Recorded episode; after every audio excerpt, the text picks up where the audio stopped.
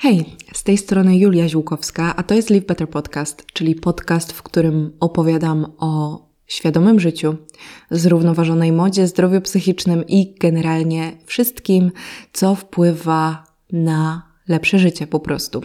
Dzisiaj wracam do Was z rozmową, na którą bardzo czekałam. Ja już miałam ją w głowie od paru miesięcy.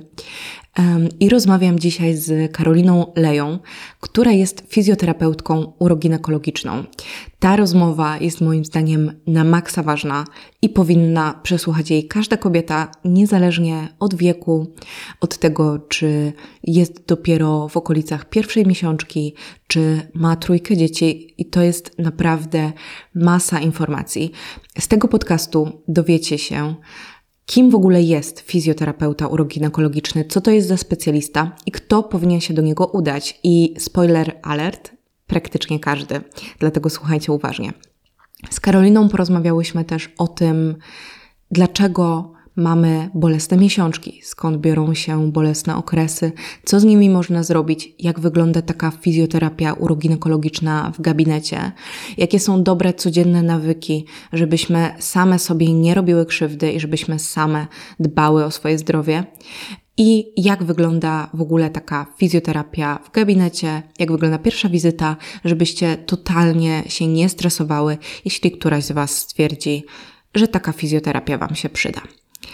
Mam nadzieję, że z tego odcinka wyniesiecie mnóstwo wiedzy, mnóstwo informacji. Jestem tego pewna, bo Karolina naprawdę podzieliła się swoją wiedzą. Ona jest specjalistką w temacie właśnie bolesnego seksu czy bolesnych miesiączek i o tym właśnie tutaj rozmawiamy, więc nie przedłużając dłużej, zapraszam Was do słuchania tego odcinka. Hej Karola. Hej. Bardzo mi miło, że tutaj jesteś, że możemy ze sobą rozmawiać, że przyjęłaś moje zaproszenie. Tym bardziej, że na ten temat czekałam już od dawna i to jest temat na maksa ważny, a jakoś tak, nie wiem, mam wrażenie, że strasznie go mało generalnie w mainstreamie, w mediach, więc dzisiaj sobie go trochę rozszerzymy. I tak jak ja naprawdę nie lubię zadawać sztampowych pytań na sam początek, tak tutaj niestety muszę je zadać, bo ja mam wrażenie, że ktoś taki jak fizjoterapeuta uroginekologiczny to jest w ogóle nieznany koncept większości ludzi. Więc powiedz mi, kim jest fizjoterapeuta uroginekologiczny i czy w sumie może powinnam powiedzieć fizjoterapeutka uroginekologiczna? Czy głównie kobiety pracują w tym zawodzie? Mm, w większości przypadków tak, to są kobiety, mężczyźni też się zdarzają, więc jak najbardziej można używać zwrotu fizjoterapeutka uroginekologiczna i nawet w większości przypadków się używa. E, zawód ten też bym powiedziała, że jest jeszcze mało popularny, chociaż coraz więcej e, osób e, się nim interesuje e, i coraz więcej z nas jakby dowiaduje się, że coś takiego istnieje. E, w internecie tak naprawdę coraz więcej kont się pojawia, coraz częściej się o tym mówi. E, ale dalej to są bardzo takie, powiedzmy, sfokusowane grupy, czyli dalej jeszcze nie wychodzi to do wszystkich ludzi i większość kobiet, czy mężczyzn, czy dzieci, bo tak naprawdę ten zawód dotyczy nas wszystkich, nie tylko kobiet, e, o tym nie wie. No to kim jest w takim razie taki fizjoterapeuta uroginekologiczny? Okej, okay. fizjoterapeutka uroginekologiczna jest to osoba, która e, zajmuje się w dużej mierze problemami, które wynikają na przykład z osłabienia mięśni dna miednicy, czyli ogólnie możemy powiedzieć, że jest to osoba, która się zajmuje w większości problemami w okolicach miednicy. I tutaj jakby zawsze musimy to rozdzielić, bo Urok ginekologiczny to już powiedzmy jest taki troszeczkę wtedy skrót, bo tak naprawdę możemy wyróżnić fizjoterapię urologiczną, ginekologiczną i proktologiczną. I wtedy w zależności od tego, wiadomo, możemy mieć inny troszeczkę zestaw pacjentów, ale najczęściej się mówi jako, jako taki powiedzmy zwrot łączny, czyli uroginekologiczna, co jest w większości ciężkim e, wyrazem do nauczenia się. I większość pacjentek ma problem z wymówieniem tego, e, ale obejmują tak naprawdę wizyty wszystkie problemy z okolic miednicy, czyli takie jak na przykład nietrzymanie moczu, nietrzymanie stolca, e, obniżenie narządów, e, bolesne miesiączki, bolesne współżycie, jakiekolwiek takie problemy z oddawaniem moczu, czyli na przykład częstomocz, parcia na glące i tego typu rzeczy. Okej, okay, wymieniłaś bardzo dużo objawów i mam wrażenie, że całkiem bezpiecznie byłoby powiedzieć, że większość z nas ma któreś z tych objawów i w takim razie w sumie kto powinien się udać do, do fizjoterapeutki uroginekologicznej? Jak nas słuchają tutaj głównie pewnie, pewnie dziewczyny, ale jak słuchają, to jakie objawy mogłabyś wymienić, które mogłyby być taką lampką alarmową, że aha, coś się dzieje, e, chyba powinnam udać się do specjalisty? Generalnie uważam, że każda kobieta powinna się wybrać, nawet jeżeli nie ma żadnych dolegliwości, ze względu na to, że musimy wiedzieć, że są niektóre nawyki, które mogą nam szkodzić i nie każdy, jakby nie każda czynność spowoduje problem od razu, ale na przykład nieprawidłowy nawyk, o którym mam nadzieję dzisiaj też sobie porozmawiamy, E, powtarzany przez długi czas, czyli na przykład kilka, kilkanaście lat, może nam powodować różne problemy. Także najlepiej jest, jeżeli każda z nas znajdzie swojego fizjoterapeutę czy fizjoterapeutkę i będzie e, chodzić na wizyty, nawet na jedną wizytę, po prostu, żeby dowiedzieć się rzeczy, które tak naprawdę będą chroniły nasze dno miednicy i chroniły nasze ciało przed niepotrzebnymi przeciążeniami. Mm, ale patrząc jakie są generalnie realia w Polsce, no to wiemy, że tak to nie wygląda. Więc w każdym razie upierając się już po objawach, najlepiej pójść e, do takiej fizjoterapeutki wtedy, kiedy nam dolegają takie rzeczy jak na przykład częste chodzenie do toalety, albo dolegliwości bólowe podczas współżycia. I to mogą być nawet niewielkie dolegliwości bólowe, ale warto zawsze się przejść. Bóle podczas miesiączek, E, czy one będą jakby jednodniowe, czy trzydniowe, jakby dowolnie warto pójść, zobaczyć, co się dzieje. E, tak samo jakiekolwiek problemy, na przykład zaparciowe, czy często biegunkowe, to wszystkie rzeczy, które idą czy z układu pokarmowego, czy z układu moczowo-płciowego, warto się wybrać do takiego fizjoterapeuty. A z jakimi problemami do Ciebie właśnie przychodzą najczęściej pacjentki? Jakby i też myślę, że to jest kwestia trochę świadomości Polek, bo tutaj rozmawiałyśmy już przed podcastem, że, że jednak kobiety w ciąży w miarę kojarzą, że to jest specjalista, do którego powinny się udać, ale jak jest, jesteś sobie po prostu normalną dziewczyną, no to właśnie, no to niekoniecznie jest taka świadomość. I jakie to są problemy najczęstsze w Twoim gabinecie? Jakby ja ogólnie, e, jak prowadzę taki swój profil, to najczęściej piszę do kobiet, które mają problem z bolesną miesiączką albo z bolesnym współżyciem, dlatego jednak to jest grupa, którą, e, która najczęściej do mnie przychodzi. Natomiast bardzo dużo jest właśnie kobiet w ciąży, czy kobiet, e, których dotyczy jakiś problem pociążowy. W każdym razie to akurat jest fakt, że w Polsce mocno się mówi o tej uroginekologii w kontekście ciąży i stanu po ciąży, ale nie mówi się o innych e, problemach. Czyli właśnie tak jak, e, tak jak wspominałam o bolesnej miesiączce czy bolesnym współżyciu.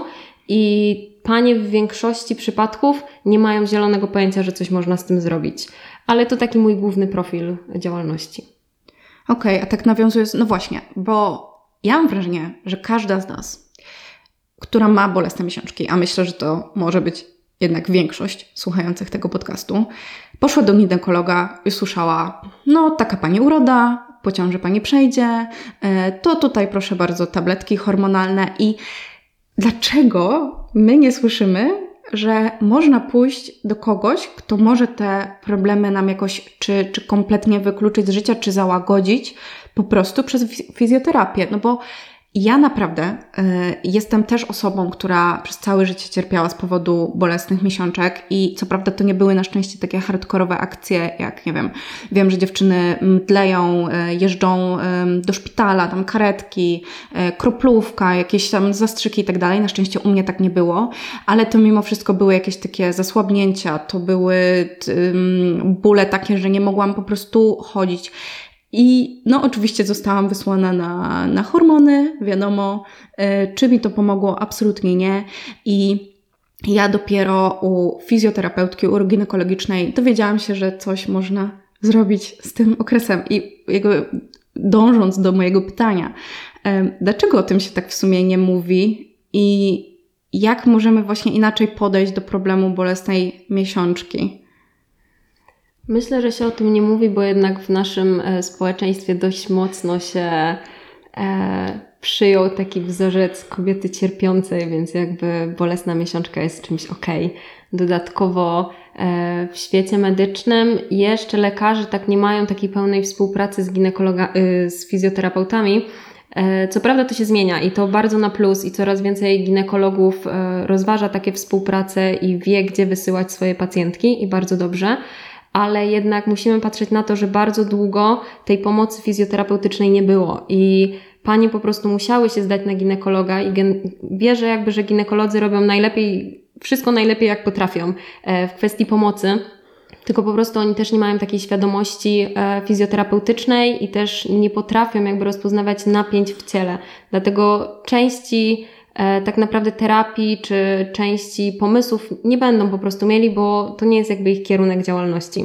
W każdym razie przy bolesnych miesiączkach warto się udać do ginekologa właśnie po to, żeby wykluczyć jakieś duże problemy hormonalne, czy jakieś infekcje, czy może zaburzenia anatomiczne pod kątem jakby samej budowy ciała ale jeżeli u ginekologa wszystko wychodzi, że jest ok, to właśnie kolejną jakby drogą powinna być fizjoterapia uroginekologiczna i jakby to, co my chcemy osiągnąć jakby na tej wizycie, e, to przy, jakby wprowadzenie równowagi w ciele, ale też musimy zawsze pamiętać o tym, że każdy uraz w naszym ciele jest ważny i ciało zapamiętuje takie rzeczy. I dlatego e, nie wiem, jak to ująć tak, żeby było najprościej, ale fizjoterapia ma na celu zlikwidowanie napięć w naszym ciele, sprawienie, że to ciało zacznie w końcu funkcjonować normalnie, poprawę też nawyków, po to, żeby nauczyć się e, prawidłowo oddychać, mieć prawidłową postawę, czyli dać ciału przestrzeń na to, żeby mogło się regenerować, żeby podczas miesiączki nie bolało. Więc w każdym razie jakby miesiączka, za chwilę myślę, że o tym powiemy, jakby jest takim, może nie, że złożonym procesem, ale występuje tam bardzo dużo czynników, które mogą powodować ból. No dobra, no to jak jesteśmy przy tym temacie, no to pociągnijmy ten temat. To jakie to są czynniki? Okay.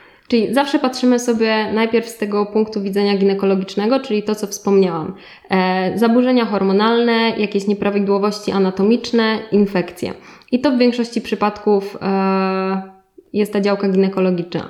Możemy też rozważyć działkę taką psychologiczną, czyli na przykład to, że miałyśmy przekaz od samego dziecka, że miesiączka jest czymś złym, że jest brudnym, że jest bardzo wstydliwa i jakby sam fakt, że dziewczynka się wychowuje w takim środowisku może powodować, że nie ma ochoty jakby przyjąć tej miesiączki i na przykład zawsze się napina, mocno stresuje i wprowadza dodatkowe właśnie napięcie w ciało to też może być ból. I jakby samym tym napięciem wchodzimy później w, w ścieżkę tą uroginekologiczną, czyli po pierwsze, jakby dolegliwości bólowe mogą być spowodowane tym, że jest nadmierne napięcie w ciele. I to może być napięcie jakby w samej miednicy, może być napięcie w jamie brzusznej, e, w mięśniach prostych brzucha, może też być e, zaburzenie wynikające z braku ruchomości ciała, bo jednak mamy coraz bardziej siedzący tryb życia i się nie ruszamy albo nie wiemy jak się ruszać i to nam nigdy nie służy. Dlatego tu warto zawsze rozważyć e, samą aktywność fizyczną. E, przy czym nie mam na myśli nagle z siedzącego trybu życia przerzucenie się na ciężary albo na jakieś maratony czy cokolwiek takiego, ale na przykład rozpoczęcie jogi, jakiegoś pilatesu, czy nie wiem, tańca brzucha, salsy czy zumby. Bardziej chodzi o to, że w miesiączce chcemy też patrzeć na ciało całościowo, czyli Patrzymy na to na przykład, co się dzieje z miednicą. Ze względu na to, że do miednicy przyczepia się około 35 mięśni, więc to jest strasznie dużo. Więc jeżeli mamy ciało mocno napięte, czy to są nogi, czy to jest jakby, e, czy to są plecy, zawsze będzie to oddziaływało na miednicę. A musimy pamiętać, że macica do miednicy przyczepia się więzadłami, więc za każdym razem, jak coś się dzieje w miednicy, będzie to oddziaływało na macicę. E, I w ten sposób staramy się gdzieś tam myśleć. Czyli co się działo z ciałem, jakie są napięcia, czy właśnie były jakiekolwiek urazy, bo to jest taki powiedzmy mało znany fakt, ale może na przykład pojawić się bolesne miesiączkowanie w wyniku tego, że któraś z nas skręciła staw skokowy. I jakby przez to musimy patrzeć. I zawsze to jest temat, który myślę, że wszyscy fizjoterapeuci zadają jako pytanie, zadają w swoim gabinecie, że czy miałaś kiedyś jakieś urazy? I na przykład ja się spotykam z tym, że większość pań mówi, że nie w życiu nigdy.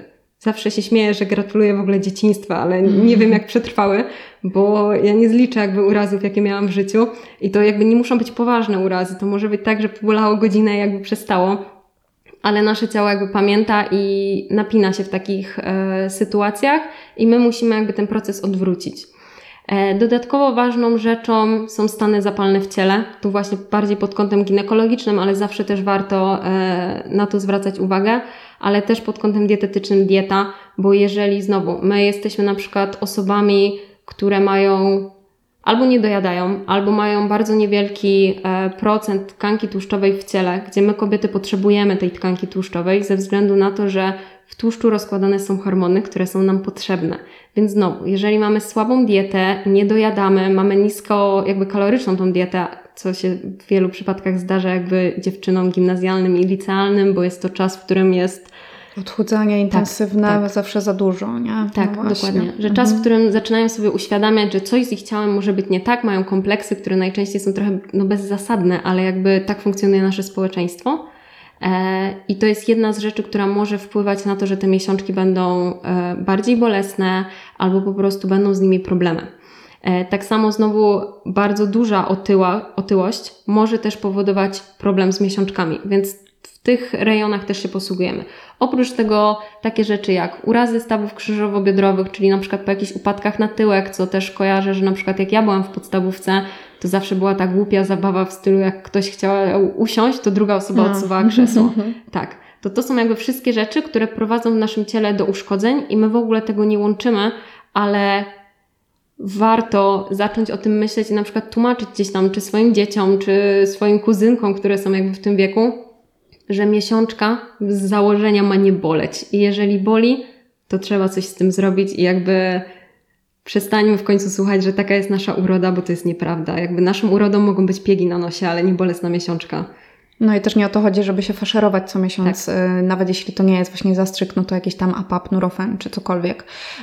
Ale ty powiedziałaś głównie o takich, takich fizycznych rzeczach, ale ja mhm. przypuszczam, że to jest też pewnie kwestia duża psychiki. Tak mi się wydaje, chociaż na początku to też zaznaczyłaś właśnie mhm. o, o takiej stygmatyzacji miesiączki w naszym społeczeństwie, ale przypuszczam, że pewnie jeszcze mm, czy, czy jakiś stres w życiu, czy, czy właśnie na przykład y, epizody depresyjne, że to pewnie też ma duże znaczenie. I ja jak poszłam na terapię, to właśnie na fizjoterapię, y, to też pytanie, które usłyszałam, to było, czy chodzi Pani na psychoterapię? E, czy ma Pani jakieś gdzieś tam problemy psychiczne, czy zaburzenia, czy depresje? I wtedy byłam zaskoczona, teraz jak rozumiem już skąd wynika to pytanie. Bo trzeba pamiętać, no właśnie, że to jest wszystko holistyczne i że nie tylko, tak jak powiedziałaś, mięśnie wszystkie ze sobą się łączą, że po prostu to, że masz napiętą szczękę też może wpływać na na przykład twoje, Twoją jakość współżycia, czy, czy właśnie na miesiączkę, ale no właśnie, że ten stan psychiczny może też bardzo wpływać, więc myślę, że to dodatkowo to jest mój konik, e, ale że na, że na psychoterapię też w razie czego warto gdzieś tam się udać do, do psychologa, bo być może są rzeczy, które niekoniecznie są tylko w ciele, ale są też w psychice i, i gdzieś tam być może to są jakieś naczynia połączone, które które trzeba by było e, razem rozpracowywać, tak mi się wydaje przynajmniej. Tak, zgadzam się z tym, bo to jest nawet, wiesz, e, nikt nie musiał w życiu przeżyć niczego złego, żeby na przykład mieć bolesną miesiączkę. To są nasze takie nawyki w stylu, w jakim środowisku się obracamy, jak się czujemy, czy potrafimy radzić sobie ze stresem, czy nie, bo my na te napięcia w ciele nie pracujemy tylko przez to, że na przykład skatujemy sobie brzuszek e, w postaci ćwiczeń, ale tu jest na przykład ten nawyk, który wiele z nas ma z dzieciństwa, czyli wciąganie brzucha. On jest bardzo mhm. nieprawidłowy. On napina cały nasz brzuch, dodatkowo sprawia, że nie jesteśmy w stanie zrobić swobodnego oddechu, a oddech jest dla nas bardzo ważny ze względu na to, że w momencie wdechu e, nasze narządy są spychane delikatnie do dołu, a z wydechem one wracają do góry, więc to jest jakby cały czas wykonywanie ruchu. Więc jeżeli my siedzimy zgarbione, wciągamy brzuch, e, to non-stop blokujemy sobie ten ruch, i nasze narządy nie są w stanie otrzymywać tego masażu i dlatego zaczyna się robić tam na przykład delikatna sztywność, zaburzenie ruchomości, co za tym idzie zaburzenie krążenia i może pójść właśnie do zaburzenia jakby funkcji i bólu. I jakby to też, e, na to też patrzymy w fizjoterapii. Ale tak jeszcze wracając do terapii, to tak, jak najbardziej ważne jest to, żeby wiedzieć w jaki sposób pracować ze stresem, czy z jakimiś sytuacjami, które są dla nas ciężkie, bo jednak nasze ciało reaguje na praktycznie każdą naszą emocję i najczęściej reaguje właśnie na te negatywne emocje dużym napięciem. Jeżeli my nie mamy e, w sobie jakby takiej świadomości, że właśnie doszło do napięcia i metod, które nam pozwolą się zrelaksować, no to te napięcia tak ładnie nam się w tym ciele odkładają, aż w końcu mm. zaczynają się różne bóle i to nie muszą być bóle miesiączkowe czy bóle podczas współżycia, ale to też mogą być, nie wiem, za chwilę bóle barków, bioder i tak dalej.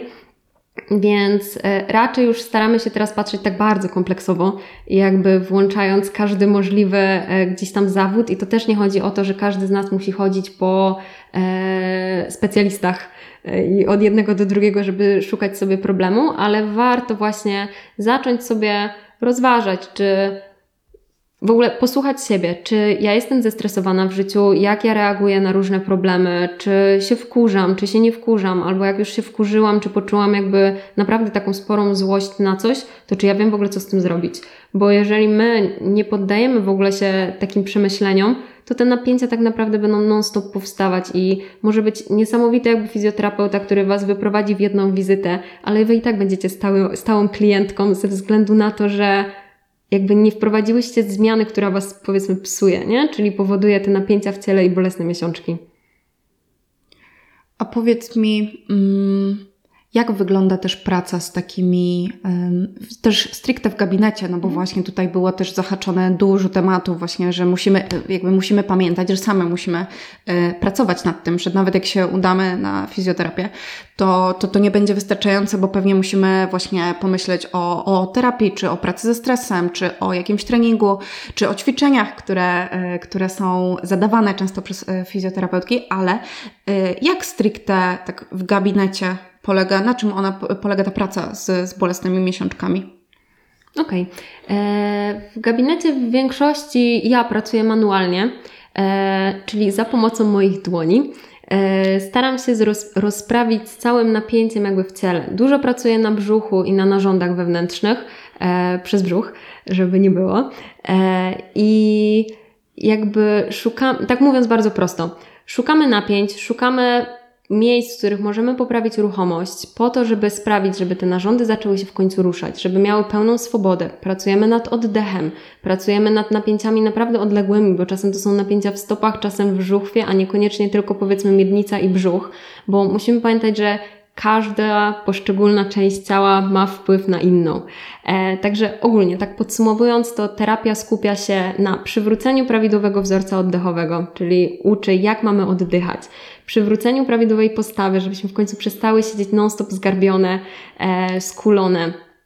Uczy ogólnie takich nawyków jakby życiowych, które mają nam jakby pomóc zaopiekować się brzuchem. Wyklucza jakiekolwiek wciąganie brzucha tylko po to, żeby wydawał się bardziej płaski, a oprócz tego pracujemy na urazach, które były kiedyś, i dodatkowo właśnie przywracamy ruchomość narządów, narządów przywracamy ruchomość całego ciała. I tak naprawdę w zależności od tego, kto z jakim problemem przyjdzie, bo my znowu mamy na przykład kilka typów bolesnych miesiączek, czyli łącznie z tym na przykład ile dni trwają, bo mamy takie miesiączki zastoinowe, które są bardzo długie, do około tygodnia albo trochę dłużej niż tydzień, które na przykład zaczynają się bardzo ciemną krwią e, i one też mają troszeczkę jakby na przykład inne przyczyny niż takie miesiączki jakby kurczowe, które Trwają powiedzmy około 3-5 dni, krew jest naprawdę żywo-czerwona, nie ma problemu, ale za to są mocne skurcze.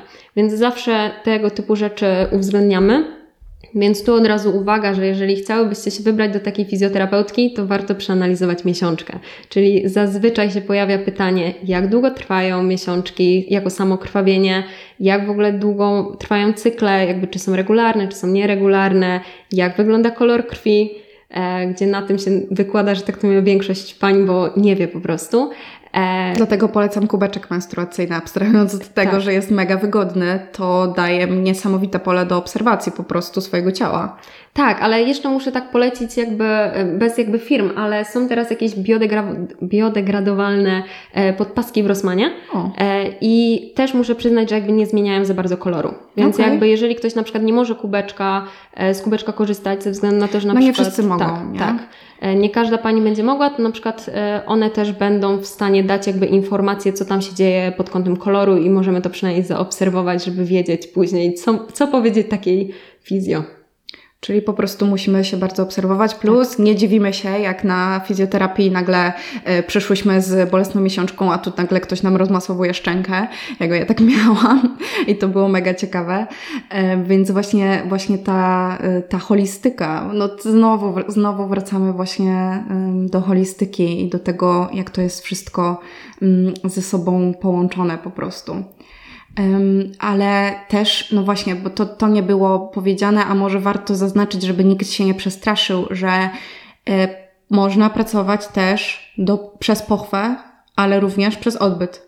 Tak. No właśnie, że to nie jest tylko praca na napięciach od zewnątrz, tylko czasem trzeba popracować od wewnątrz, ale nie jest to takie straszne, jak się może wydawać. Tak, nie bójcie się tego, bo to też nikt nie jest z zaskoczenia, więc zawsze jesteście uprzedzone jakby... Trzeba podpisać tak, chyba nawet zgodę. Tak, tak. Jakby my jako fizjo wymagamy tego, żebyście podpisały zgodę, że wyrażacie zgodę na takie badania, ale to też jest zawsze z wyprzedzeniem, jesteście informowane, że coś takiego będzie mhm. i jeżeli któraś z Was z jakiegokolwiek powodu, e, nawet nie muszę za bardzo wnikać z jakiego, stwierdzi, że nie, nie chcę takiego badania, to my naprawdę jako fizjoterapeuci mamy szeroki wachlarz e, technik czy sposobów rozluźniania ciała i naprawdę jakby to nie jest konieczne, aczkolwiek jeżeli faktycznie terapia w jakiś sposób stanie i jest problem, to warto się otworzyć gdzieś tam na takie badania, bo one nie są w żaden sposób bolesne, nie są niekomfortowe.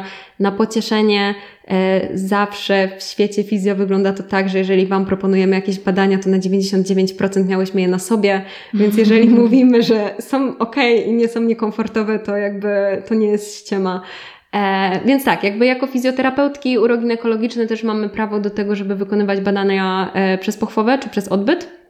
Mm, generalnie ma to na celu ocenę dna miednicy pod kątem nadmiernego napięcia albo właśnie osłabienia, pod kątem e, obniżeń e, narządów, bo też takie się mogą zdarzyć ale też, żeby ocenić wydolność Waszych mięśni. Czy one w ogóle mają jakąkolwiek siłę, czy w ogóle potrafisz nimi pracować, czy nie potrafisz. E, jaką mają wytrzymałość i tak dalej, bo te parametry nam są potrzebne po to, żeby na przykład później dobrać terapię. Bo często się właśnie zdarza w bolesnych miesiączkach, że jesteście jakby całe mocno napięciowe i przez to dno miednicy też e, w tym napięciu non-stop jest, a to z kolei może na przykład prowadzić do bolesnego współżycia, co też bardzo często się łączy z bolesnymi miesiączkami. Okej, okay, jak już jesteśmy e, przy tym współżyciu bolesnym, to, to przy tym zostajmy, bo mam wrażenie, że to jest trochę temat tabu, że nie wstydzimy się do tego, żeby przyznać, że mamy bolesne miesiączki, bo zasadniczo mam wrażenie, że 90% dziewczyn, z którymi rozmawiam, e, ma lub miało takie bolesne miesiączki, to jest normalka, ale już bolesne współżycie to jest coś, czego jednak wiele z nas może się gdzieś tam wstydzić, to jest jakieś tabu, e, możemy myśleć, że coś jest z nami nie tak, a tak nie jest. Czy, czy dużo pacjentek przychodzi z tym problemem? Tak, jest dużo i mam wrażenie, że z roku na rok jest coraz więcej, bo też mamy coraz bardziej intensywny tryb życia, e, coraz więcej stresów i tak naprawdę od samego początku, jak gdzieś tam rozmawiałam z paniami z bolesnym współżyciem, e, to wychodzi taki głównie jeden charakterystyczny punkt, czyli większość z nich e, definiuje siebie jako perfekcjonistki, które nie potrafią puścić kontroli. I jakby coś w tym jest, ze względu na to, że jakby ja akurat nie jestem perfekcjonistką, więc możecie mnie poprawić, jeżeli się mylę, ale ty należysz do perfekcjonistek? Kurczę, nie wiem, jak powiesz, jak powiesz to Ci powiem, czy też tak mam. Dobra. E, bo wiecie, w większości przypadków to jest tak, że bardzo mocno się złoszczą, jeżeli coś pójdzie nie po ich myśli, że wszystko musi być troszeczkę jakby dokładnie według ich planu. No to, to tak. Bo, tak, tak, zrobione co do minuty, tak jak trzeba, bo jeżeli będzie minuty za późno, to w ogóle to już, to już nie ma sensu. E, I w takim jakby rozumieniu świata my mamy non-stop powody do napięcia. I w wielu sytuacjach niestety tak jest. Dodatkowo to samo tak naprawdę, co było w przypadku bolesnych miesiączek, czyli nasza kultura wygląda tak, że jednak ten seks jest takim tematem tabu. I o ile o bolesnych miesiączkach jakby mówi coraz więcej kont i tak naprawdę coraz więcej pań ma ochotę się dzielić tym, w jaki sposób wyglądała ich pierwsza miesiączka, jak zareagowali rodzice, czy tam najbliższe kobiety, jakby co z tym było tak albo nie tak, o tyle jakby o bolesnym współżyciu nie chce się mówić, ze względu na to, że mamy takie poczucie, że jeżeli mnie dotyczy bolesne współżycie, to jestem z jakiegoś powodu gorsza. Mhm. I jakby też kiedyś pisałam post na ten temat, że jakby bolesne współżycie nie jest Twoją winą. I tak to wygląda, że my jesteśmy z każdej strony bombardowane na temat seksu, ale jednocześnie nie jest wyjaśniane jakby co na przykład dokładnie robić, albo w jaki sposób zlikwidować ból, jak sprawić, żeby była gdzieś tam większa przyjemność i tak dalej. Więc dużo tematów jest takich, takich właśnie tabu, że my nie chcemy o tym rozmawiać, my nie chcemy o tym rozmawiać między sobą jakby koleżankami, jako koleżankami, ze względu na to, że jest trochę wstyd. nie? Bo myślimy w kategoriach, kurde, ja to mam, może jest ze mną coś nie tak, a ona na pewno tego nie ma. Tylko jak później się okazuje, to naprawdę zdecydowana większość kobiet miała jakby w swoim życiu chociaż jeden jakby incydent e, bolesnego seksu i to jest troszeczkę, no powiedzmy przerażające pod tym kątem, nawet nie, że przerażające, że ona doświadczyła jakby tego bólu, tylko tego, że my o tym nie chcemy mówić i nam się wydaje, że to jest takie normalne. albo tak, albo normalne, że kobiety ma boleć podczas seksu, albo właśnie w drugim kierunku, że no przecież nie powiem, bo to jestem aż tak dziwna, że jakby mam wrażenie, że są takie dwa obozy yy, myślenia. W każdym razie, jakby miesiączka, nie miesiączka, sorry, bolesne współżycie jakby nigdy nie jest naszą winą e, i to warto pamiętać. I teraz jeżeli chodzi w ogóle o przyczyny na przykład bolesnego współżycia, e, to też zawsze rozpatrujemy to z trzech kategorii, czyli podobnie jak z miesiączkami, tylko tam jakby psychologa zamieniamy na seksuologa, Czyli wybieramy się do ginekologa, żeby znowu sprawdzić, czy nie ma infekcji, czy trzeba zrobić właśnie cytologię, żeby sprawdzić, czy wszystko jest w okolicach szyjki ok. Dodatkowo patrzymy na to, czy anatomicznie jesteśmy zbudowani prawidłowo, czy może na przykład mamy e, nadmiernie napiętą, e, nazwijmy już tak bardzo roboczo, e, błonę dziewiczą, ze względu na to, że czasami się zdarza, że ta mała błonka jest takim trochę dziadostwem, że mhm. jest niesamowicie twarda, a przy okazji elastyczna i ona nie ma jakby możliwości samoistnego pęknięcia w trakcie seksu, ale będzie non-stop dawała dolegliwości bólowe. Więc to jest ważne i to jest właśnie bardziej z punktu widzenia e, ginekologicznego. No i dodatkowo właśnie te wszystkie infekcje. Z punktu widzenia seksuologicznego wszystkie nasze jakieś nieprzepracowane albo może i w jakimś stopniu przepracowane, ale traumy dotyczące właśnie e, sfery seksualnej. Dodatkowo wiele takich przekonań z domu, czyli na przykład, że znowu seks jest brudny, że nie powinno się uprawiać seksu z kimś tam albo w jakimś konkretnym czasie, albo cokolwiek takiego, albo straszenie, że seks zawsze wiąże się z ciążą, bo to niestety też bardzo wiele kobiet blokuje i to nawet właśnie tych, które przychodzą do mnie, że to jest duży gdzieś tam stres, że ten seks się zawsze musi wiązać z ciążą. E, I właśnie trzeci jakby specjalista, czyli fizjoterapeutka czy fizjoterapeuta uroginekologiczny, i mamy tutaj znowu e, kilka tak naprawdę możliwości, czyli głównie się skupiamy powiedzmy w obrębie napięcia dna miednicy i to, co już jakby przy okazji bolesnych miesiączek, czyli napięcia całego ciała. Pod kątem e, na przykład blizny po e, jakimkolwiek zabiegu ginekologicznym albo po nacinaniu krocza w porodzie. Bardzo często blizny też są e, mocno e, szkodliwe dla nas, w sensie szkodliwe, że dają dużo dolegliwości bólowych. E, albo też e, patrzymy tutaj sobie pod kątem na przykład obniżeń narządów, bo to nie jest tak, że obniżenia mają tylko kobiety po porodach. Zdarza się już właśnie, że młode kobiety przed 30 też mają obniżenia w wyniku tego, jaki styl życia prowadzą, czyli na przykład bardzo intensywna aktywność fizyczna, dźwiganie dużych ciężarów i nieprzygotowanie po prostu tego na miednicy. Więc możemy się skupić na takich głównych tych problemach, czyli tych, które wymieniłam, bo w większości przypadków jest to właśnie nadmierne napięcie e, mięśniowe, ale też takie trochę uczenie mózgu, że dotyk nie jest bolesny, bo w większości sytuacji jakby nasze ciało właśnie reaguje e, powiedzmy tak bardzo obrazowo, jakbyście widziały przed sobą motyla, a wasz mózg wysyła informację, że macie przed sobą niedźwiedzia. I jakby dokładnie tak reaguje ciało, czyli wy, my jako jakby terapeuci dajemy delikatny dotyk jakby na tkankę, a ta tkanka reaguje bardzo dużym bólem. I trzeba jakby nauczyć mózg, powiedzmy, innej interpretacji bodźca. Wow, ale po prostu, bo ja nawet, mimo że byłam na fizjoterapii, to po prostu usłyszałam takie rzeczy, że nigdy w życiu ich nie słyszałam, więc wow, jak, ile tu jest rzeczy do rozpakowania ale to jest też kwestia, no właśnie, naszej kultury po prostu, bo, bo jedna sprawa to jest tam to, jak działa nasze ciało i tak dalej, mm, ale druga sprawa to jest właśnie to, o czym, o czym też wspomniałaś, czyli po prostu te nasze przekonania dotyczące seksu, nasze jakieś tam oczekiwania i tak dalej. Jak, ja tak jak Ciebie słuchałam, to w ogóle sobie myślałam właśnie o tym, jak mm, bardzo ten seks jest na przykład dla, dla młodych ludzi, dla nastolatków y, przedstawiany jako taki bardzo glamour, jak tak sobie myślę w ogóle o jakichś takich serialach w stylu, nie wiem, plotkara, że tam wszyscy mają po 16 lat i jakieś i, idą do łóżka i ten seks jest zawsze taki w ogóle, oh, wow. taki wow, gorący w ogóle, orgazm zawsze i tak dalej i my mamy takie oczekiwania, że ten seks powinien być y, zawsze mega glamour, zawsze super, jakby nigdy mi nic nie powinno dolegać, zawsze powinnam mieć ochotę. Um, oczywiście powinienem też, no ale mimo wszystko tutaj myślę, że, że nie skłamię, jeśli powiem, że głównie kobiety mają jednak takie przekonanie i gdzieś tam to poczucie winy związane z seksem, więc to jest po prostu temat rzeka. Ja mam wrażenie, że, że na temat seksu to można by było rozmawiać przez następne trzy godziny, i, i byśmy mogły nie kończyć, e, ale, ale to jest o fizjoterapii, więc wrócimy do fizjoterapii. E, powiedz mi jeszcze e, właśnie, jak wygląda terapia bolesnego współżycia w gabinecie? Czy ona się jakoś różni od, od y, bolesnej miesiączki i czy też zawsze trzeba działać dopochwowo? Bo właśnie, no właśnie, może niektóre z, z słuchaczek się tutaj stresują, że, że matko, mam ten problem, ale będę musiała iść do gabinetu, będzie musiało być coś przez pochwę, przez odbyt, jakby nie dam rady. Jak, jak, to, ma, jak to powinno wyglądać, jak to może wyglądać? Generalnie nie zawsze jest potrzebna jakby taka terapia. Jakby powiem tak, jakby w większości przypadków tak, ale też nie ma się co nastawiać negatywnie, bo tak jak już wspomniałam wcześniej, nigdy nie jesteście brane do takiego badania z łapanki. Więc jeżeli przychodzicie i mówicie nie, to nie jest dzisiaj ten dzień, ja nie chcę takiego badania, to jakby naprawdę mamy dużo możliwości e, warsztatowych, że tak to imię, w których możemy pracować w inny sposób z danym problemem.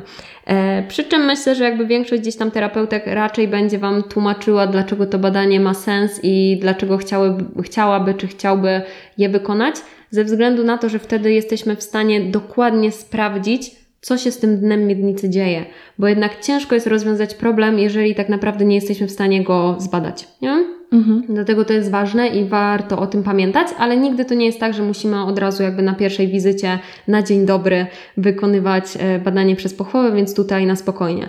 Bo też warto pamiętać, że są na przykład takie schorzenia jak pochwica, czyli e, można ją scharakteryzować jako taki skurcz e, niezależny od naszej woli, przy którym jeżeli cokolwiek zbliża się do pochwy, właśnie następuje bardzo silny skurcz, z którym wiąże się ból i koniec, brak relaksacji. Więc też nie w każdym przypadku będzie możliwe w ogóle wykonanie takiego badania na początek i dlatego no, pracujemy wtedy powiedzmy w okolicach miednicy, w okolicach brzucha, starając się wyluzować e, ciało i w końcu doprowadzić do tego, żeby była możliwość zbadania dna miednicy, ale to mówię, tak naprawdę u każdej z nas gdzieś tam ta terapia wygląda inaczej i nie jest tak, że jeżeli przyjdziesz ty z koleżanką, to każda z Was będzie miała dokładnie to samo, bo jest ona po prostu indywidualnie dobierana, więc warto gdzieś tam mieć z tyłu głowy, że dobrze by było wykonać po prostu to badanie, ale nie zawsze ono jest konieczne na przykład od razu. Mhm, Okej. Okay. To jeszcze wróćmy do tego właśnie, w jaki sposób e, ta terapia tego bolesnego współżycia mniej więcej może wyglądać, okay. abstrahując już od, od tego e, badania przez e, pochwę. Okej, okay, no to jakby zacznę od niego, dobra? Dobrze. nie da się od niego uciec. Jasne, niestety. nie musimy uciekać. E, tak, więc e, w dużej mierze jest to jakby badanie przez pochwę, które może nawet już nie jest samo badanie, ale jakby terapia przez pochwę, która ma na celu rozluźnienie nadmiernie napiętych mięśni i też nauczenie danej osoby, w jaki sposób może pracować w domu. E, dodatkowo jakby pracujemy podobnie jak w bolesnym miesiączkowaniu, czyli pracujemy nad napięciami w całym ciele, czyli jeżeli napięcia są głównie jakby uwidocznione w okolicach jakby żwaczy, czyli szczęki, żuchwy, to jakby wtedy rozluźniamy tą okolicę i pracujemy znowu całościowo. Pracujemy nad tym, żeby wykluczyć negatywne gdzieś tam nawyki, pracujemy nad tym, żeby dobrać odpowiednią aktywność fizyczną.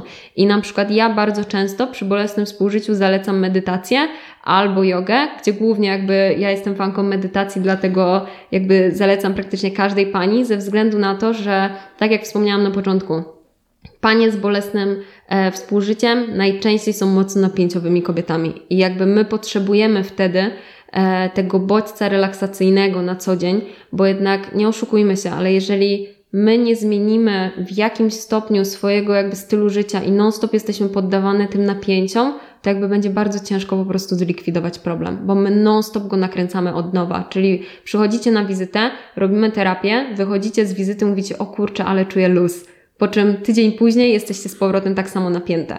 I dlatego jakby ważna jest cała ta działka mocno rozluźniająca ciało i wpływająca tak naprawdę na układ przywspółczulny. I tutaj jakby wspomnę od razu, że jeżeli sobie rozpatrujemy autonomiczny układ nerwowy na dwie części, czyli układ współczulny i przywspółczulny, to teraz tak, współczulny odpowiada za walkę, ucieczkę, czyli to jest non-stop stan najwyższej takiej mobilizacji ciała po to, żeby się mogło powiedzmy ochronić. Natomiast e, przywspółczulny jest tym układem takiego powiedzmy relaksacji, trawienia, czyli nasze ciało odpoczywa. I teraz w naszym ciele potrzebna jest równowaga tych e, układów. I niestety działa to tak, że jeżeli jeden układ bardzo mocno pracuje, to drugi jest mocno wyciszony. I na odwrót. Czyli jeżeli jesteśmy w tym stanie walcz, uciekaj, to jednocześnie no, nasze ciało nie może być w stanie relaksacji, no bo nie przetrwalibyśmy. E, dlatego trzeba to też uwzględniać, bo my na walcz, uciekaj, czyli na ten układ współczulny, nie przełączamy się tylko wtedy, kiedy mamy realne zagrożenie, ale przełączamy się na przykład, jeżeli późno wieczorem robimy bardzo intensywny trening i nasze ciało jest bardzo silnie pobudzone i wtedy na przykład nasz sen jest mniej efektywny i jesteśmy w takim w kółko e, stanie zmęczenia, czyli ogólnie e, układ współczulny bardzo mocno działa, jeżeli jesteśmy przemęczone, przetrenowane, na przykład nie dojadamy, jesteśmy takie powiedzmy trochę mm, zagłodzone. Czyli to jest stan, w którym nasze ciało ma się zmobilizować do przetrwania. Natomiast przywspółczulny jest tym relaksem, dlatego wejście w jogę spokojną, wejście w medytację, pójście na spacer do lasu, jakby chwilę pokręcenie się gdzieś tam biodrami na piłce, czy w ogóle potańczenie, jakby będzie sprawiało, że nasze ciało się odpręży jakby realnie ta terapia może mieć sens. Ale jeżeli zakładamy, że non-stop mamy być na najwyższych obrotach, to to ciało będzie, będzie cierpieć, nie? No to znowu wracamy do, tych, do, do tego po prostu, że to nasze życie tak. wpływa na to, jak my się czujemy i, i fizjoterapia to tam jest po prostu wierzchołek góry tak. lodowej tak. i musimy same gdzieś tam nad tym pracować. Ale na fizjo pomagamy, nie? Bo też jasne, dostarczamy jasne. wszystkich tych metod na zasadzie na odstresowanie, jakby zwracamy na to uwagę, bo też nie każda pani musi jakby sama z siebie dojść do wniosku, że coś w jej życiu jest nie tak i jakby jest Oczywiście. przemęczona. No i, i to jednak też jest, y, mam takie poczucie, że wizyta u fizjoterapeuty, czy, czy tam właśnie uroginekologicznego, czy, czy, czy jakiegokolwiek, y, to jest trochę taki reset, że, że można po prostu w miarę zacząć od początku, no wiadomo, że tak się nie da, ale że po prostu te, te napięcia są poniwelowane i my nie musimy jakby stricte pracować z tymi napięciami, tylko nad tym, żeby one gdzieś tam nie wracały lub żeby były mniejsze, więc no wiadomo, że tu po prostu fizjoterapia odgrywa ogromną rolę, tylko no chyba zasada jest taka, że nie możemy się spodziewać, że to tylko fizjoterapia i jakby wychodzimy z gabinetu i super jakby z głowy, nie? No to też zależy jakby od problemu, nie? Ale jeżeli mhm. są bardziej takie złożone w stylu e, właśnie dużo tych stresów i tak dalej, to fajnie też rozważyć e, połączenie fizjoterapii po prostu z inną działką, czyli na przykład z psychoterapią albo chociaż jakby nie wiem, przeczytaniem jakiejś książki rozwojowej, która jakby wpłynie na to, że będziecie wiedziały w jaki sposób chociaż minimalnie zwolnić w ciągu dnia, bo to jest gdzieś tam ważne. Ale, ale tak, jakby to jest gdzieś tam e, fizjo ma na celu powiedzmy wyprowadzenie do tego punktu zero i potem to, co wy zrobicie, to jest już wasze, dlatego ja na przykład bardzo dużo też mówię o nawykach, bo jeżeli zakładamy, przychodzisz na wizytę, sprawiam, że twoje ciało śmiga super, a ty wracasz non-stop do tych samych nawyków, to tak naprawdę w kółko możemy się spotykać, bo za chwilę jakby ciało będzie w tym samym stanie. No pięknie poprowadziłaś tę rozmowę do tego punktu, do którego chciałam właśnie dotrzeć. Dziękuję Ci za to, bo sama nie musiałam lawirować. Czyli nawyki, czyli dobre nawyki i złe nawyki. I to w takim razie do's and don'ts, czyli co powinnyśmy robić, co jest spoczko, a co jest takiego, że powinnyśmy po prostu wykluczyć ze swojego życia, wyrzucić i już nigdy do tego nie wracać. Złych ludzi. No, ale tak, tak toksycznych tak. ludzi, absolutnie. Dobra, ale tak już wracając jakby typowo do fizjoterapii, e, przede wszystkim takim najważniejszym dla mnie punktem jest postawa. Czyli to, żebyśmy przestały siedzieć zgarbione. Aż się wyprostowałam. Tak, zauważyłam. żebyśmy przestały siedzieć zgarbione i wiecie, zwieszone na tym naszym kręgosłupie i ze ściśniętym brzuchem. E, dlatego postawa jest jedną z takich najważniejszych rzeczy. Mm, czy w siedzeniu, czy w staniu, bo przypominam, że naprawdę duża część teraz społeczeństwa ma pracę siedzącą, więc siedzenie przez 8 godzin przy biurku na garbie nigdy nam nie służy. Dlatego postawa. Druga kwestia, korzystanie z toalety, bo tak, można robić źle siku i można robić źle kupę. Tak. I, ja I wiem, chyba że większość takie... z nas robi tak, to źle. Tak, dokładnie. Czyli tutaj podsumowując, jakby rozwijając troszeczkę bardziej, to tak, jeżeli siadamy na toaletę, zrobić siku, to siedzimy z wyprostowanymi plecami. Możemy być lekko pochylone do przodu, ale nie sikamy na garbie. To jest ważne. Kolejny ważny punkt, mamy pełne podparcie stóp. Nie ma czegoś takiego jak powiedzmy za wysoka toaleta, gdzie nasze stopy są oparte na palcach. Jeżeli tak macie w swoich domach, konieczny jest jakby stołek, żeby zrobić siku i żeby te stopy miały pełne podparcie, bo wtedy mamy w pełni rozluźnione dno miednicy i nie musimy w żaden sposób przeć. I tym sposobem przechodzimy do kolejnego punktu, czyli nie przemy na toalecie. Ten mocz ma wyciekać jakby swobodnie, na pełnym rozluźnieniu, ponieważ oddawanie moczu jest jakby otworzeniem dna miednicy i rozluźnieniem, więc nie chcemy dodatkowo dokładać ciśnienia śródbrzusznego, który będzie spychał te nasze narządy w dół i delikatnie jakby przyspieszał, delikatnie albo niedelikatnie, ale przyspieszał mhm. oddawanie moczu. Czyli mocz robimy na pełnej swobodzie, bo sikanie trwa około 10-15 sekund, więc naprawdę nie wiem, co chcemy zrobić z zaoszczędzonymi trzema sekundami. Więc jakby to jest dość ważne. Dodatkowo nie przerywamy strumienia moczu w trakcie sikania. Czyli wiem, że można czasami e, jeszcze w goglach znaleźć jakieś takie magiczne ćwiczenia na dno miednicy w stylu wstrzymuj strumień moczu. To nie jest jakby prawidłowe. E, jesteśmy w stanie w ten sposób doprowadzać sobie na przykład do nawrotowych infekcji e, pęcherza albo intymnych, więc tutaj jakby ważna szczególnie uwaga dla pań, które realnie mają w kółko infekcję. Mm, dodatkowo jesteśmy w stanie doprowadzić sobie do niewypróżniania jakby pęcherza w całości, czyli do zalegania moczu, e, albo też w ogóle do rozregulowania pęcherza, czyli że potem pęcherz na, nasz, nasz pęcherz nauczy się po prostu przeć, a nie sikać na relaksie. To jest ważne. I teraz uwaga, super ważna rzecz, czyli nie sikamy na narciarza z tyłkiem w powietrzu w półprzysiadzie. E, I wiem, że tu najpewniej wewnętrznie możecie odczuwać bunt w związku z tą radą. Najlepiej w miejscach publicznych albo obłożyć toaletę papierem toaletowym, albo kupić nakładki na sedes, które można kupić na Allegro, albo na przykład e, w aptekach, albo mieć ze sobą chusteczki e, nawilżone płynem do dezynfekcji po to, żeby przetrzeć. Jeżeli sikamy w takim półprzysiadzie, sprawiamy, że nasze dno miednicy w ogóle się nie rozluźnia i musimy przeć. Czyli nie ma czegoś takiego jak sikanie w półprzysiadzie na rozluźnionych mięśniach. Dlatego powtarzanie takiego nawyku przez wiele lat będzie skutkowało tym, że większość z Was będzie miała obniżone narządy. A tego nie chcecie. E, dodatkowo, jeżeli chodzi. Aha, jeszcze, jeszcze jedna ważna rzecz do sikania. Jeżeli idziecie siku, to nie smarkacie, jak siedzicie na toalecie. Okay. Czyli smarkamy albo przed siadaniem, albo po, ze względu na to, że nasza miednica kostna opiera się o muszlę toaletową, o deskę, Natomiast nasze dno miednicy ma prostą drogę do dołu, czyli zgodnie z grawitacją. Jeżeli my dołożymy silne parcie, bo jednak e, smarkanie jest dość dużym ciśnieniem śródbrzusznym, będzie nam to delikatnie obniżało dno miednicy. I o ile zrobicie sobie to raz na pół roku, nie powinno być problemu. Natomiast jeżeli to jest Wasz na przykład poranny nawyk, czyli w ten sposób jakby za każdym razem zaczynacie każdy dzień, to gwarantuję Wam, że niedługo skończycie z obniżeniami narządów. Wow. Tak. Z jak, jakich rzeczy można się dowiedzieć? Plus jeszcze, z tego co wiem, e, nie można na zapas. Nie? Tak, tak, tak, właśnie. Nie sikamy na zapas, czyli nie ma tego odruchu. Wychodzę do miasta, byłam przed chwilą w toalecie, ale w sumie pójdę znowu, bo nie ma nigdzie toalet po drodze. Nie, nie robimy tego. Jakby jesteście w stanie w ten sposób doprowadzić do często moczu, czyli tego, że non-stop macie ochotę siku, ale na przykład idziecie na toaletę usiąść, a tam leci kilka kropel. To nie jest zdrowe i to też właśnie może doprowadzić do obniżeń albo właśnie później do takiego trochę nawykowego nietrzymania moczu. E, przechodząc dalej, bo trochę tych nawyków jest. E, w kwestii wypróżniania się, robienia kupy, zawsze korzystamy ze stołka, czyli tak, żeby nasze kolana były wyżej niż biodro. E, tutaj akurat chodzi o to, że w tej pozycji mamy w pełni rozluźniony mięsień, który się nazywa łonowo-odbytniczy i on biegnie jak taka proca od spojenia łonowego dookoła odbytnicy i wraca. I teraz, jeżeli my siedzimy z kolanami, które powiedzmy do, do tułowia mają kąt prosty, czyli w stawie biodrowym jest kąt prosty, to ten mięsień powiedzmy podciąga odbytnicę w stronę spojenia łonowego i robi taki kąt odbytniczy.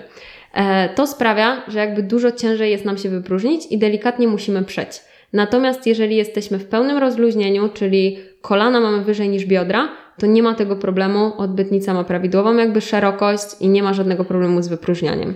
No i oprócz tego nie przesiadujemy na toalecie, bo nie wiem po co miałobyśmy to robić, ale dodatkowo im dłużej siedzimy, tym to dno miednicy ma bardziej, wchodzi bardziej w stan rozluźnienia nieprawidłowego.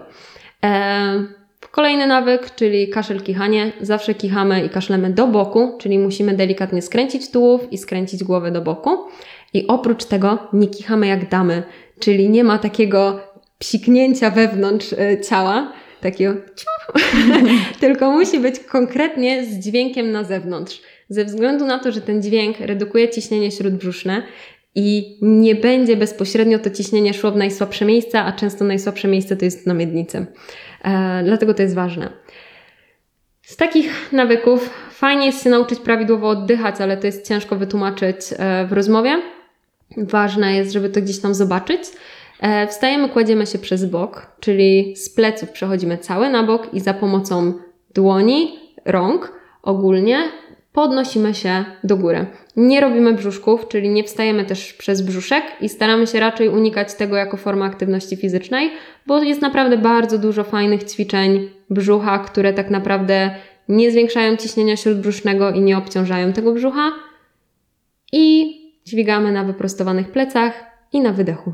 I to myślę, że takie najważniejsze rzeczy. A oprócz tego, jakby cała ta, właśnie to, od czego zaczęłyśmy, czyli taka powiedzmy życiowa zmiana e, nawyków. Tak, nawyków, mhm. jakby odnoszących się do stresu, do jakby naszych cięższych emocji, żeby wiedzieć, w jaki sposób się z nimi rozprawić. Więc takie najważniejsze, jakby uroginekologiczne zasady życiowe. Okej, okay, to chyba. A masz jakiś post taki, żebym na przykład go mogła udostępnić, żeby Mm. Żeby to była taka lista, żeby wiesz, tutaj. Ja, ja też tak słucham, mówię, zapamiętać, zapamiętać, zapamiętać, a pewnie to by się przydało jakoś wypunktować, albo może stworzymy razem. Ja to potem. No, to... musiała gdzieś tam ten post napisać, bo tak się zbieram do niego od roku i wpadłam w którymś momencie jakby yy, w takie myślenie, że jakby wszędzie się mówi o fizjoterapii uroginekologicznej. E, bo to, to ci się zawsze, wydaje. Tak, tak, tak, bo to jest zawsze ten błąd, jak się obserwuje jakby... Swoją bańkę. E, tak, swoją bańkę. I przez to tak naprawdę wypadłam z obiegu na dobry rok, e, ale teraz wracam, więc jakby tu na spokojnie i na pewno chcę poruszyć wszystkie te tematy, bo są ważne, a tak naprawdę bardzo dużo osób o tym nie wie i sobie po prostu nimi szkodzimy. No więc czekamy, czekamy na ściągawkę, żeby tutaj w panice nie trzeba było robić notatek z tego podcastu, jeśli ktoś właśnie na przykład sprząta mieszkanie. Będzie. Ale będzie, więc to jest dodatkowa e, motywacja. No okej, okay, rozmawiamy tu już e, w sumie prawie godzinę, jak się można było spodziewać, bo tych tematów jest mnóstwo, ale gdzieś tam na czymś e, musimy zakończyć. Więc może zakończmy na paradoksalnie początku, czyli jak idziemy pierwszy raz do fizjoterapeutki uroginekologicznej, czego możemy spodziewać się na pierwszej e, wizycie? Okej. Okay. Zawsze spodziewajcie się wywiadu. I to mam nadzieję, że już po tylu latach, ile żyjecie, nie jest jakimś tam e, zaskoczeniem, że będziecie wypytywane o różne rzeczy. Więc tutaj warto zastanowić się, na co chorujecie, czy miałyście kiedyś jakieś operacje i tak jakby liczą się wszystkie operacje w życiu, nie tylko te w przeciągu ostatniego roku. E, dodatkowo jak wygląda Wasza aktywność fizyczna, wszystko, co możecie powiedzieć na temat Waszych dolegliwości, czyli tak jak już wspominałam, na temat bolesnych miesiączek, czyli jakby ile trwa cykl, ile trwa krwawienie, jaki jest kolor krwi, czy występują skrzepy, e, czy powiedzmy ile dni macie bolesną miesiączkę, ile tabletek musicie wziąć i jakby jaki jest Wasz ból, jakbyście mogły go opisać od 0 do 10, 0 brak bólu, 10 najgorszy do wytrzymania. To są takie jakby podstawy, o które będziecie pytane. W przypadku e, bolesnego współżycia warto się zastanowić, czy wasz ból jest bólem typowo na wejściu do pochwy, czy bólem jakby odczuwanym głęboko w podbrzuszu. Czy pojawia się za każdym razem, jak uprawiacie seks, czy może tylko czasami. Czy jest zależny od pozycji, więc czy są pozycje, które go nasilają, albo czy są pozycje, które go wycofują i od razu jakie to pozycje. I to są jakby ważne informacje dla nas, czyli jakby która struktura może być po prostu zaburzona. Więc e, do tego musicie być przygotowane. E, o aktywności fizycznej chyba już mówiłam, a jeżeli nie, to jakby właśnie jaka jest aktywność fizyczna, jak wygląda Wasz dzień tu bardziej pod kątem tego, jaki macie tryb pracy, ile pijecie, jak jecie, czy się wysypiacie, czy macie duży stres na co dzień, więc spodziewajcie się zawsze e, wywiadu. Oprócz tego badania takiego ogólnego ciała, czyli e, prawidłowa postawa, delikatna właśnie czy tkliwość brzucha, czy ogólnie napięcia w ciele i też problemu dotyczącego e, w sensie obszaru, z którym przyszłyście, przy czym jakby naprawdę nie jest tak, że na, y, w przypadku bolesnego współżycia trzeba mieć tą pierwszą wizytę jakby badanie przez pochwowę, ale mówię, jedną z kolejnych jakby warto. E, I tak naprawdę to w większości. Jeżeli chodzi o ubiór na taką wizytę. No właśnie takie protipy. Tak, tak. To wystarczy mieć po prostu albo jakieś elastyczne spodnie, e, jeżeli nie chcecie jakoś wybitnie leżeć w bieliźnie, albo po prostu bieliznę, która nie będzie Wam krępować ruchów. Polecam też przyjść na pierwszą wizytę ze stanikiem, ze względu na to, że dużo pań potem ma jakby krępację, żeby się gdzieś tam rozebrać. A o ile się krępujecie. Tak, o ile się krępujecie, bo jak się nie krępujecie, to na spokojnie. E, natomiast e, jeżeli przychodzicie bez stanika i dodatkowo macie luźną bluzkę, to jest bardzo ciężko ocenić postawę, więc tutaj tak, jeżeli się krępujecie, zawsze stanik. Warto mieć skarpetki, e, żeby nie chodzić na boso po e, klinice, w sensie może nie klinice, tylko po gabinecie. I teraz tak, w przypadku e, terapii jakby przezpochwowej z najważniejszych rzeczy. Nie trzeba się golić, bo jakby dla terapeuty jest totalnie obojętne to, czy jesteście ogolone, czy jesteście nieogolone. E, nie musicie się ubierać w jakieś długie sukienki, czy cokolwiek takiego, żeby nie chodzić, e, mówiąc bardzo tyłkiem. prosto, tak, z gołym tyłkiem, bo dostaniecie na wizycie po prostu spódniczkę na czas badania, więc to jest na spokojnie. E, I tak naprawdę to są najważniejsze rzeczy. I myślę, że nie ma gdzieś tam innych takich rzeczy, które mogłyby Was po prostu zaskoczyć na tej wizycie. Okej, okay, czyli po prostu pełen komforcik tak. i, i, się nie denerwujemy. Tak. Jakby, wydaje mi się, że to też jest generalnie bardziej komfortowa wizyta niż u ginekologa, mniej tak. stresująca, więc naprawdę ja też chodziłam na fizjoterapię i mogę powiedzieć, że nie ma się czego wstydzić. Ja akurat oczywiście byłam tą osobą, która poszła bez stanika yy, i po prostu jak byłam poproszona o zdjęcie bluzki, to powiedziałam, no okej, okay, nie mam stanika. No i było, no spoko, No to, to jest okej, okay, ale... Więc tego tam nie musicie się e, mhm. w ogóle tym przejmować. Tak, no chyba, że właśnie się krępujecie gdzieś tam stanąć w pełni e, półnago, to wtedy faktycznie warto gdzieś tam ten stanik mieć i nawet po prostu na czas badania założyć i tyle. Mhm. I ja teraz właśnie przeprowadzam z Tobą tą rozmowę we wrześniu, bo w październiku jest taka akcja, chyba ogólnopolska, wiadomo, że nie wszędzie, ale ogólnopolska, z darmowymi konsultacjami w wybranych gabinetach e, fizjoterapeutycznych, prawda? Tak. I jakbyś mogła powiedzieć trzy słowa, czy warto Twoim zdaniem, czy nie warto? Moim zdaniem właśnie warto pójść żeby się dowiedzieć, czy, czy fizjoterapia uroginekologiczna to jest coś dla nas i wtedy możemy po prostu sobie gdzieś tam skontrolować ten temat, plus właśnie zaraz jest październik, więc e, będzie można trzymać rękę na pulsie z tym, jakie gabinety w danym mieście oferują takie konsultacje, ale może e, masz jakieś inne zdanie na ten temat.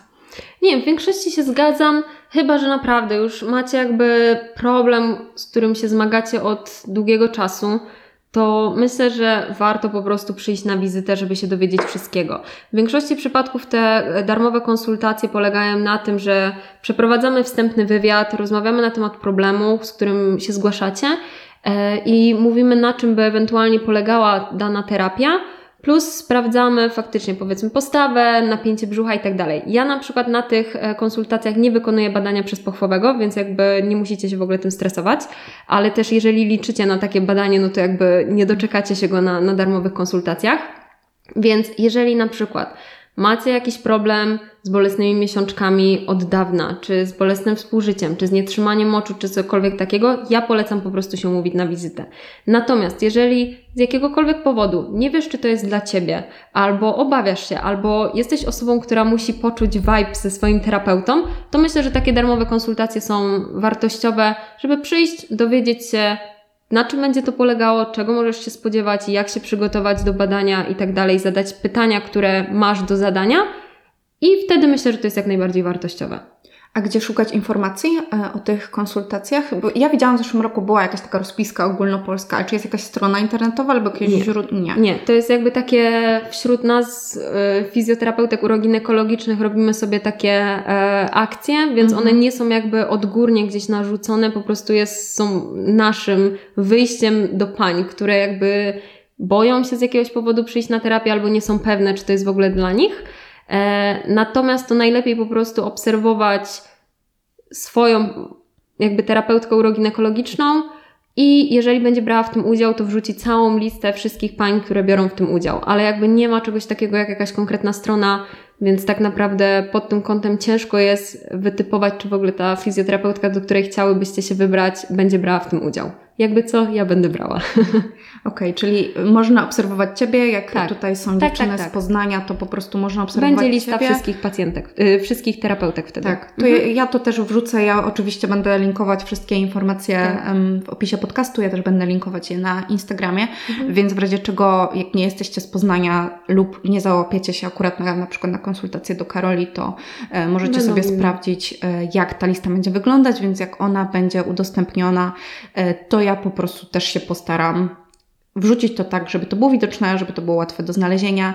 I myślę, że to jest coś, co warto podesłać. Czy, czy swoim na przykład y, przyjaciółkom, czy, czy siostrze, czy może nawet mamie, że po prostu to jest temat, który dotyczy nas wszystkich.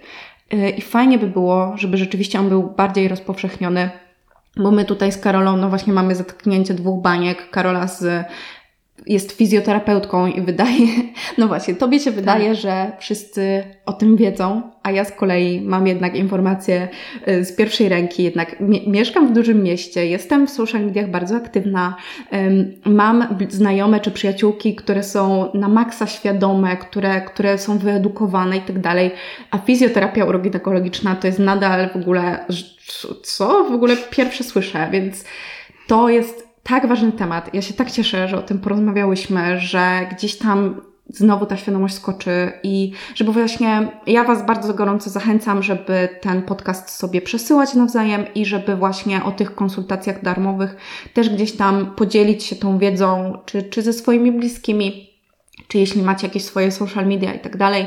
Wiadomo, że nie wszyscy na te konsultacje się załapią, bo to mm. też trzeba tak realistycznie patrzeć, że no, to jest jeden, dwa dni w miesiącu tak. dla każdego gabinetu i no, nie wszystkie dziewczyny się załapią, ale może niektóre z Was i może gdzieś tam to będzie początek takiej, takiej drogi do rozwiązania Waszych problemów, e, więc ja bardzo gorąco do tego zachęcam. Też zapraszam. Myślę, że warto, warto skorzystać i warto mówić o tym, bo naprawdę dość dużo e, jest o tym mówione już, ale to nadal wciąż za mało. Szczególnie w Polsce. Tak, tak, zwłaszcza w Polsce. No właśnie.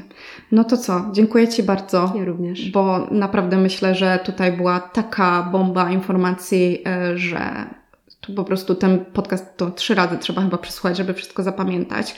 E, ja na pewno jeszcze do niego wrócę. No i co? Być może kiedyś jeszcze się spotkamy, jeśli jakieś tematy będą do omówienia, na przykład. Ja mam nadzieję.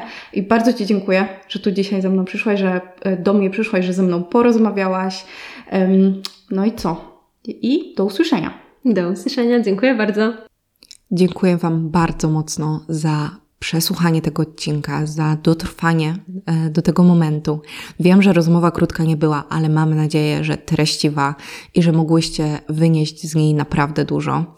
Jeśli uważacie, że to jest coś, co powinno być dalej udostępniane, to ja Was bardzo, bardzo gorąco zachęcam, żebyście tę rozmowę udostępniły, czy to na swoich social mediach, czy po prostu wysłały swoim przyjaciółkom w wiadomości po prostu, podrzuciły, że to jest coś, słuchajcie, czego warto posłuchać. To ja będę naprawdę wdzięczna, bo uważam, że takiego podcastu powinna posłuchać po prostu każda kobieta. I jak zawsze zachęcam Was też do tego, żebyście subskrybowały mój podcast, e, żebyście obserwowały go na Spotify. Na iTunes możecie go ocenić odpowiednią liczbą gwiazdek, e, co też pomaga podcastowi zyskiwać popularność, e, żebyście go po prostu udostępniały, jeśli macie na to ochotę, bo to zawsze dla mnie jest ogromna pomoc po prostu w promowaniu tego podcastu, bo ja wkładam w niego naprawdę duże serca, mimo że nie pojawia się jakoś super często, to każdy odcinek to jest po prostu u mnie mnóstwo pracy, mnóstwo wysiłku mm, i po prostu chciałabym widzieć, jak ten podcast niesie się dalej. Oczywiście mnie, jak zawsze, możecie złapać na Instagramie, na moim blogu i na TikToku. Też wszystkie linki potrzebne znajdziecie w opisie tego odcinka, jakbyście na przykład chciały udać się do Karoliny na wizytę czy konsultację, e, więc sprawdźcie po prostu opis tego odcinka. No i co? Dziękuję Wam bardzo za uwagę, za bycie tutaj z nami i do usłyszenia następnym razem.